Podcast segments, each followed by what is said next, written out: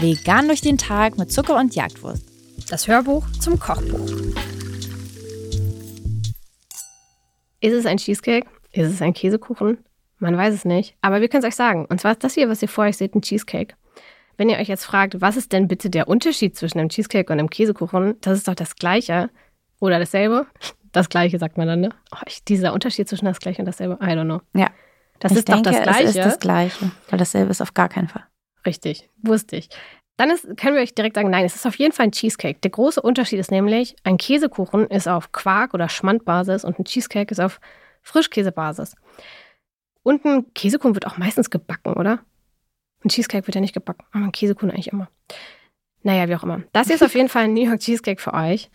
Und wenn ihr euch jetzt fragt, wo wir schon dabei sind, ich bin heute euer Wikipedia, ich erkläre euch heute alles.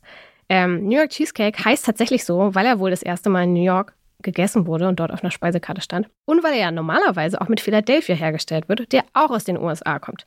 Ähm, Philadelphia ist aber nicht vegan, deswegen haben wir ihn einfach aus diesem Rezept gestrichen und ersetzt mit veganem Frischkäse. Dann nehmt ihr einfach irgendeine Natursorte, die ihr im Supermarkt findet. Keinen Kräuterfrischkäse Nee. am besten. Nee, Das wäre schon gut. das wäre das wär sehr gut. Und ähm, sucht euch ein bisschen vegane Schlagsahne. Achtet auch hier wirklich drauf, dass die zum Aufschlagen ist. Ähm, und wir haben tatsächlich auch noch eine Creme Fraiche Schicht gemacht, weil wir ganz verrückt waren.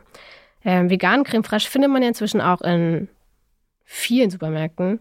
Ich würde nicht sagen in allen. Ich weiß, ich, ich finde es Mm, schwierig einzuschätzen, wie es auf dem Dorf In den aussieht. größeren. Ja. Schon in den größeren. Aber es gibt es mittlerweile auch von den größeren Marken. Also Ja. das ist ja schon immer der Schritt dahin, dass es auch frei verfügbarer wird. Es gab es erst von veganen Firmen, viel im Bioladen und dann, wenn auf einmal die großen Firmen nachziehen und eigene vegane Varianten machen, wird es auf einmal deutlich entspannter. Genau.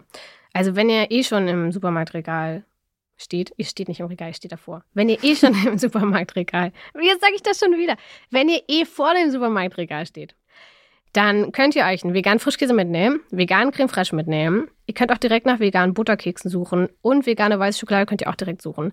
Also vielleicht muss man für dieses Rezept ein bisschen länger suchen, je nachdem, was man für eine Auswahl an Supermärkten hat. Hier in Berlin ist wahrscheinlich weniger ein Problem, Mhm.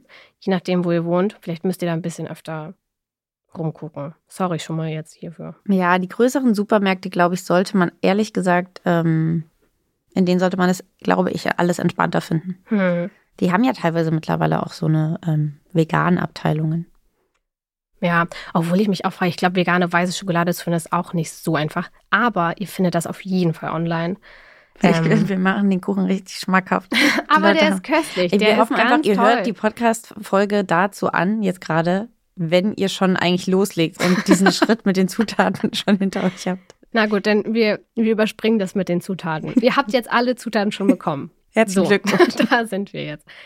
Und jetzt könnt ihr eigentlich schon direkt loslegen. Ähm, ihr, im Endeffekt ist das wirklich ein sehr einfaches Rezept, oder? Man verrührt alles, man gibt alles in den Mixer, man stapelt alles, fertig. Die Soße gibt ihr dann einfach frisch hinzu.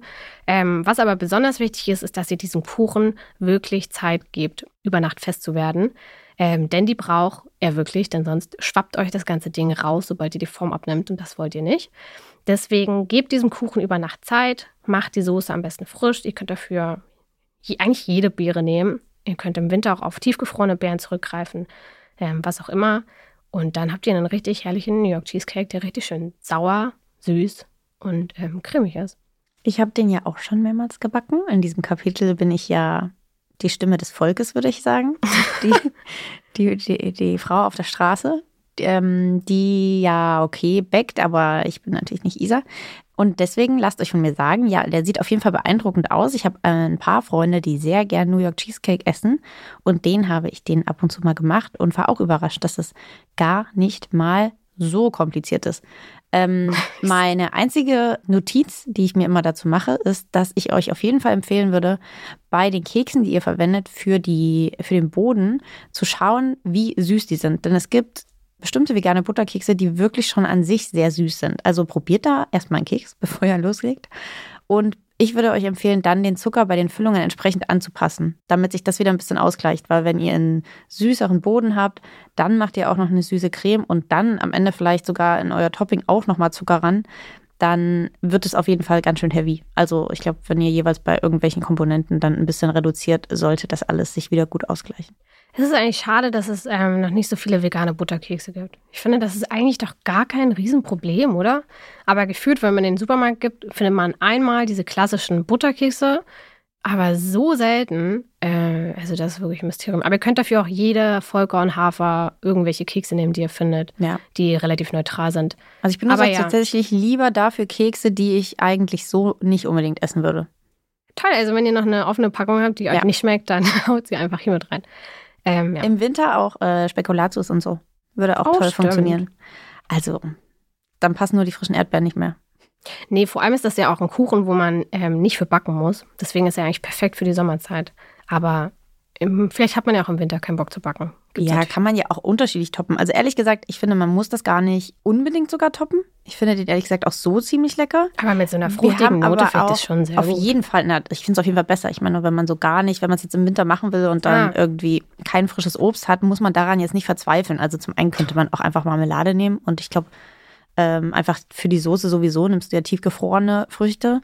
Die bekommt ihr natürlich auch im Winter. Wir haben aber auch mal auf dem Blog eine Version zum Beispiel mit Karamell drauf gemacht.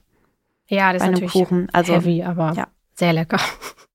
Sky is the limit, Leute, Mhm. bei diesem Kuchen. Ja, und damit ähm, haben wir schon wieder viel geredet zu diesem Kuchen. Viel Spaß damit. Tolle toll beim Einkaufen. Ähm, und ähm, ja, viel Freude damit.